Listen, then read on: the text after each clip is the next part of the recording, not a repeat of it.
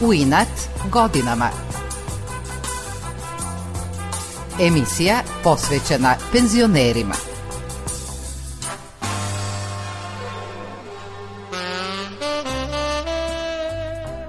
A tebe da nema, bilo bi ljubavi drugih. A tebe da nema, moj bi život bio drugi. A tebe da nema, otišao bi na kraj svojih tenja i tražio bih te, tražio bih te u vrtlogu dana i noći, jer znam tebe da nema, ti bi morala doći. Dobro jutro vam je svojim stihovima poželeo naš današnji gost, profesor dr. Vasilije Topalov, kardiolog, seksolog i pesnik. On je kao jedan od najboljih vojvođanskih kardiologa, specijalista za poremećaj srčanog ritma, prvi počeo u Vojvodini da ugrađuje pacemakere i stentove. Do sada je na taj način spasao više od 6000 pacijenata. Takođe, on je oživeo više od 400 pacijenata sa poremećajem srčanog ritma. Profesor dr. Vasilije Topalov, iako u penziji, najzaslužniji je za uvođenje kliničke seksologije kao predmeta na Novosadski medicinski fakultet. Napisao je oko 132 stručne knjige i 1000 elektrofizioloških studija, ali je objavio i 12 zbirki pesama, nekoliko knjiga proze, erotske priče, eseje. Penzionisani novinar Miodrag Mila Isakov od najranijeg detinstva druguje sa doktorom Vasilijem Topalovim, a sada svom drugu piše recenzije za knjige. O doktoru Vasiliju kaže izuzetno pametan, sposoban za razne stvari, darovit čovek koji onda sebi ponekad daje na volju i mimo onih granica koje su neki društveni standardi opravdani, a često i neopravdani postavili. I onda Vasa ponekad štrči. Ali najbolji uvek pomalo štrče. Lekar specijalista psihijatar Nebojša Baračkov, bliski saradnik doktora Vasilija Topalova na projektu uvođenja kliničke seksologije na Medicinski fakultet u Novom Sadu, o starijem kolegi i svom nekadašnjem profesoru ističe. Kao čovek mogu da kažem da je svestran, jer se stvarno svime bavi i u, u mnogim stvarima je briljantan. Kao lekar, kao kolega mogu da kažem da je posvećen, pacijentima na prvom mestu, zatim nauci, objavio više knjiga, radova, učestvovao na brojnim kongresima, dobio priznanje za životno delo Društva lekara Vojvodine, cenjen je od kolega i, i priznat, znači kogod je od njega tražio pomoć, nije bio uskraćen za tu pomoć. Profesor Vasilije Topalov rođen je u samom centru Novog Sada u katoličkoj porti. Tada još nije bila sagrađena Betanija, pa su majke decu uglavnom rađale u svojim domovima. U porti je proveo detinstvo i mladost. Bio je centar grada, ali mi smo se igrali kao da smo na periferiji. Najpre je tu bilo pozorište, letnja pozornica, na kojoj su održavane razne predstave, koje su dugo trajale u noć i mislim da su onda napravili galamu komšije koje nisu mogli da spavaju i do posle ponoći i to, tada je srušeno pozorište nekom naredbom. I posle pozorišta tu je sagrađen praktično park. Tu je bila trava i mi smo tu igrali futbal, badminton, sećam se i lepo smo se družili i zabavljali kao prava deca u prirodi u katoličkoj porti. Osnovnu školu pohađao je u Njegoševoj ulici, a potom gimnaziju Jovan Jovanović Zmaj kaže dr. Vasilije Topalo. Znači, sve sam išao po 100-200 koraka od kuće, a imao sam jedan doživljaj kada je nastavnica srpskog jezika u osnovnoj školi rekla da napišemo domaći moj put od kuće do škole. Ja kad sam zamislio taj put, nisam znao šta da napišem, jer nikad nisam obraćao pažnju na ono što postoji meni u najvećoj blizini i onda sam prošetao do škole i video stvari gde živim. U gimnaziji je počeo da piše pesme i kako kaže, dvoumio se da li da upiše medicinu ili književnost. Medicina je za njega bila veći izazov. Na medicini sam morao da polažem prijemni ispit i ja sam se spremio za taj ispit i od 400 i ne znam koliko kandidata ja sam bio 30 i onda mi je bilo žao da ne idem na medicinu kad sam već položio u takvoj gužvi ispit, jer 120 kandidata je primljeno na medicinu. Znači nisam imao neku posebnu želju, nego sam samo sebe proveravao moje mogućnosti u, u takvoj gužu šta ja mogu da učinim. Na svaki drugi fakultet sam mogao da se upišem zbog odličnog uspeha bez prijemnog ispita. Po završetku studija dr. Vasilije se zaposlio. Otac me pitao kad sam završio medicinu da li hoću odmah da počnem da radim. Ja sam rekao da hoću. I moje prvo radno mesto je bilo u Budisavi I ja sam bio seoski doktor jednu godinu dana i u hitnoj pomoći sam radio šest meseci, tako da ja imam iskustvo koje veliki broj specijalista e, nema jer e, deca od, e, sad možemo reći, razmaženih ili bezaroških roditelja, što sam i ja bio, su se odmah zapošljavali na specializacije, a nikada nisu radili u opštoj praksi. Doktor Vasilije Topalov Kaže da su njegovi prvi doktorski koraci bili u seoskoj hitnoj pomoći, gde je još više zavoleo posao kojim se bavio čitavog života. Ja i danas nekad razmišljam kako bi mi bilo lepo kad bi me neko selo zvalo da odem da e, radim. Ja bih otišao. Ja stvarno volim medicinu. Stvari, ja sam takav tip. Ja sve mogu da zavolim. Jer ako nešto radiš, ako se nečemu daješ, onda treba da se daješ 100%. A ako ne možeš, onda je najbolje da to ne radiš. Da promeniš profesiju. A ja mislim da je to najpošteniji odnos prema sebi i prema poslu.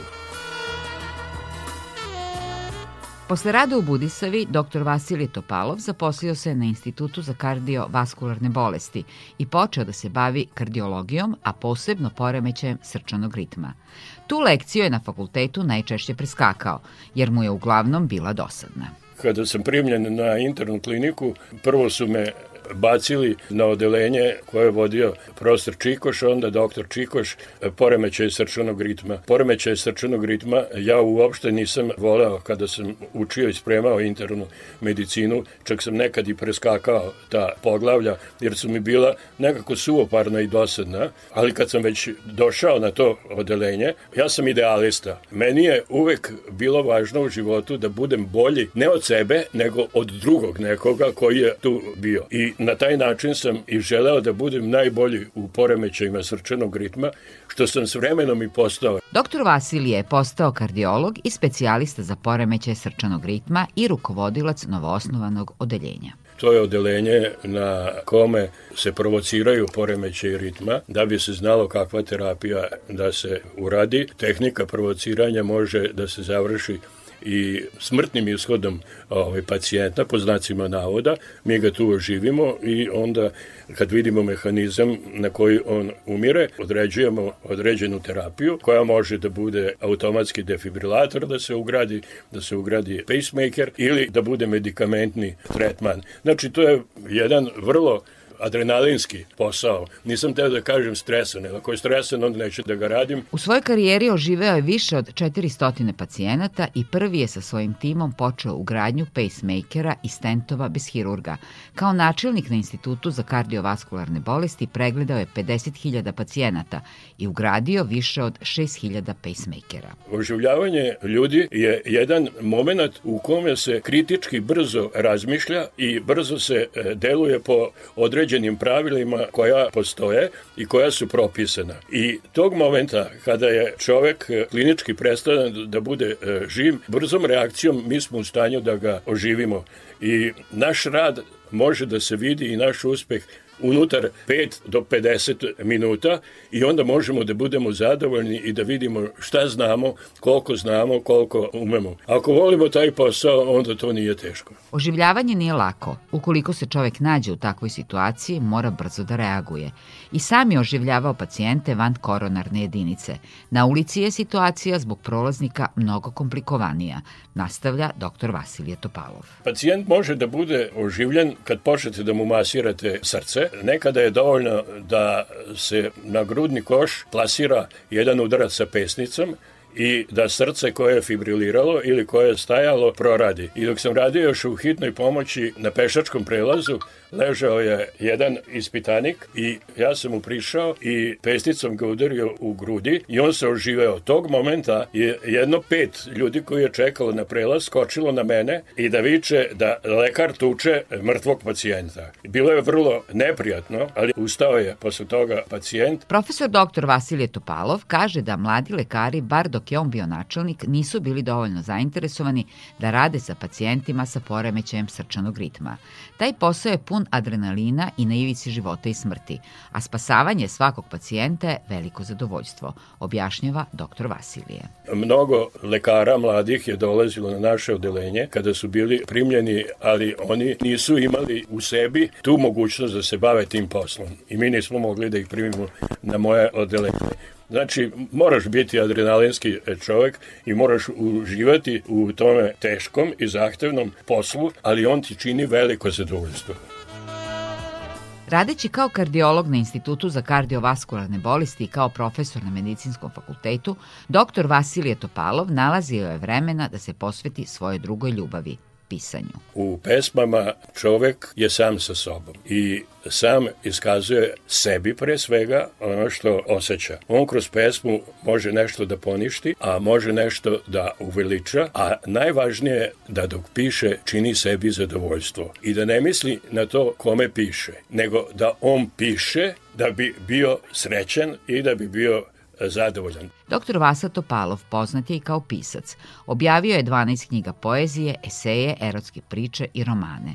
Svoj poslednji roman, Vreme koje dolazi, objavio je prošle godine. Ako neko pomisli da je autobiografija, mislim da nije baš prava autobiografija, jer nisam imao snage da napišem pravu autobiografiju. Kada sam napisao knjigu, tu taj deo gde je autobiografija, morao sam da nađem neke recenzente. Mile Isakov, moj drugar iz mladosti, kad je napisao recenziju i kad sam ga pitao ti bilo teško, on kaže da. Njegov drug Miodrag Mile Isakov kaže da mu je zaista bilo teško da napiše predgovor, jer se u knjizi stalno prepliću ozbiljni doktor Vasa Topalov i šeret pesnik Bojem, njegov drug Vasa. I onda sam ja postavio retoričko pitanje zašto je knjiga potpisana sa dr. Vasilije Topalov, kad ja mislim da je to uglavnom Vasino masno. Ima tu mnogo autobiografsko, a neke stvari stvarno deluju nestvarno, ali liče na da je moguće da je Vasi se i to dogodilo.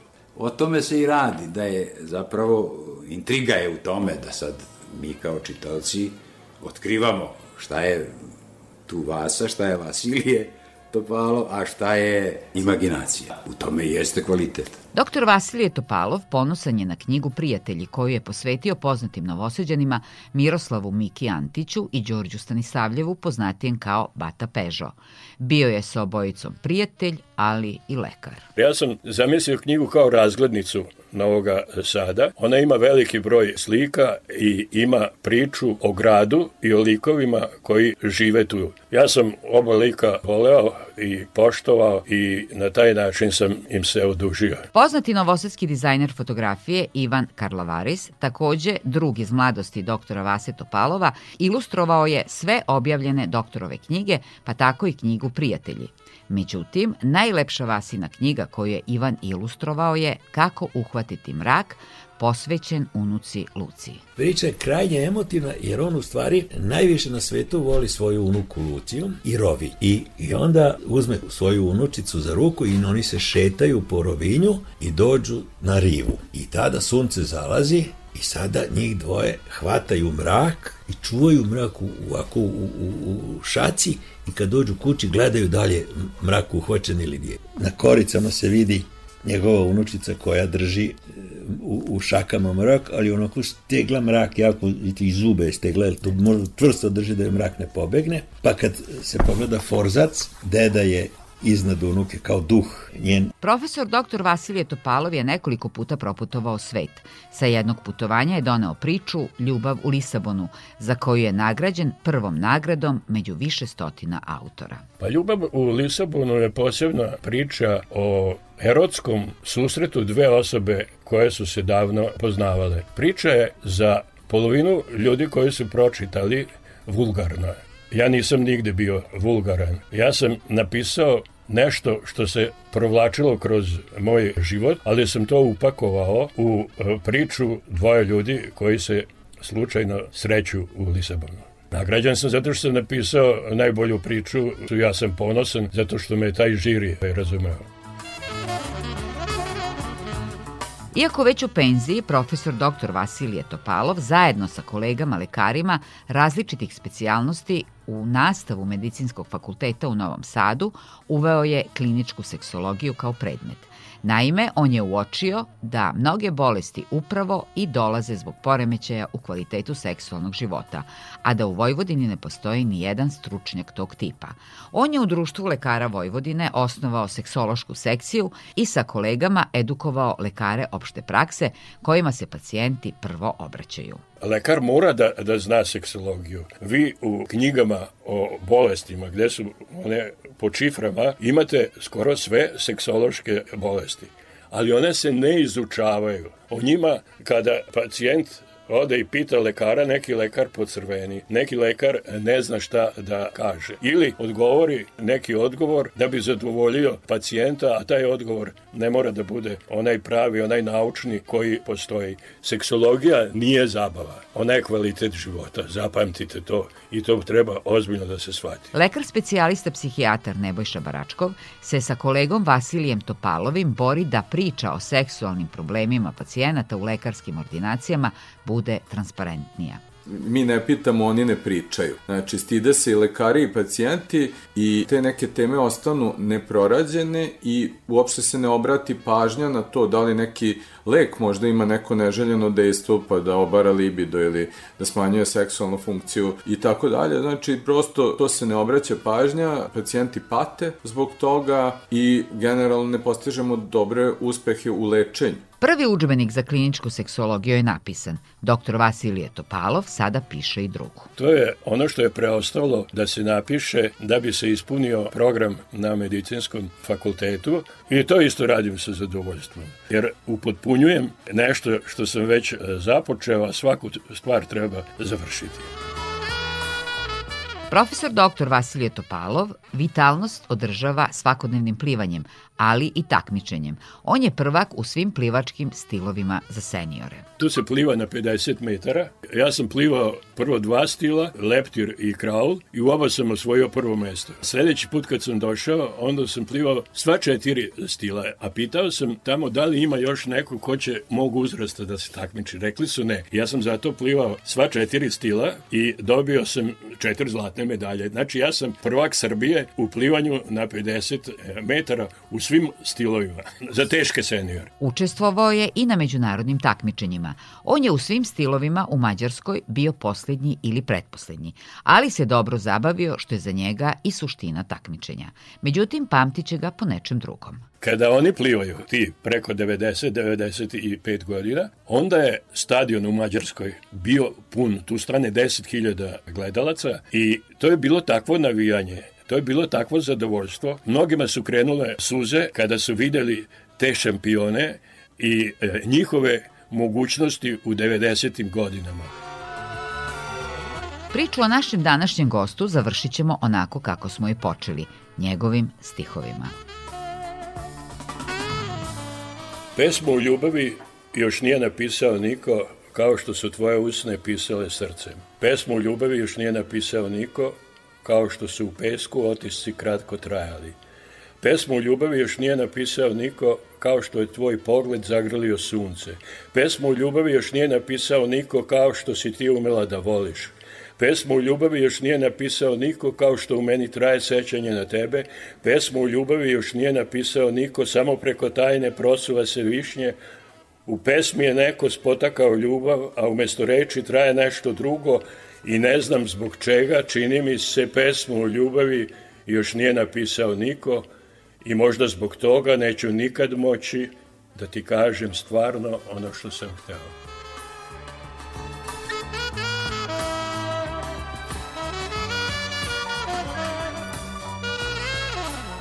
Bilo je to sve za danas. Do sledećeg susreta pozdravljaju vas Nevena Vrtulek i Damjan Šaš.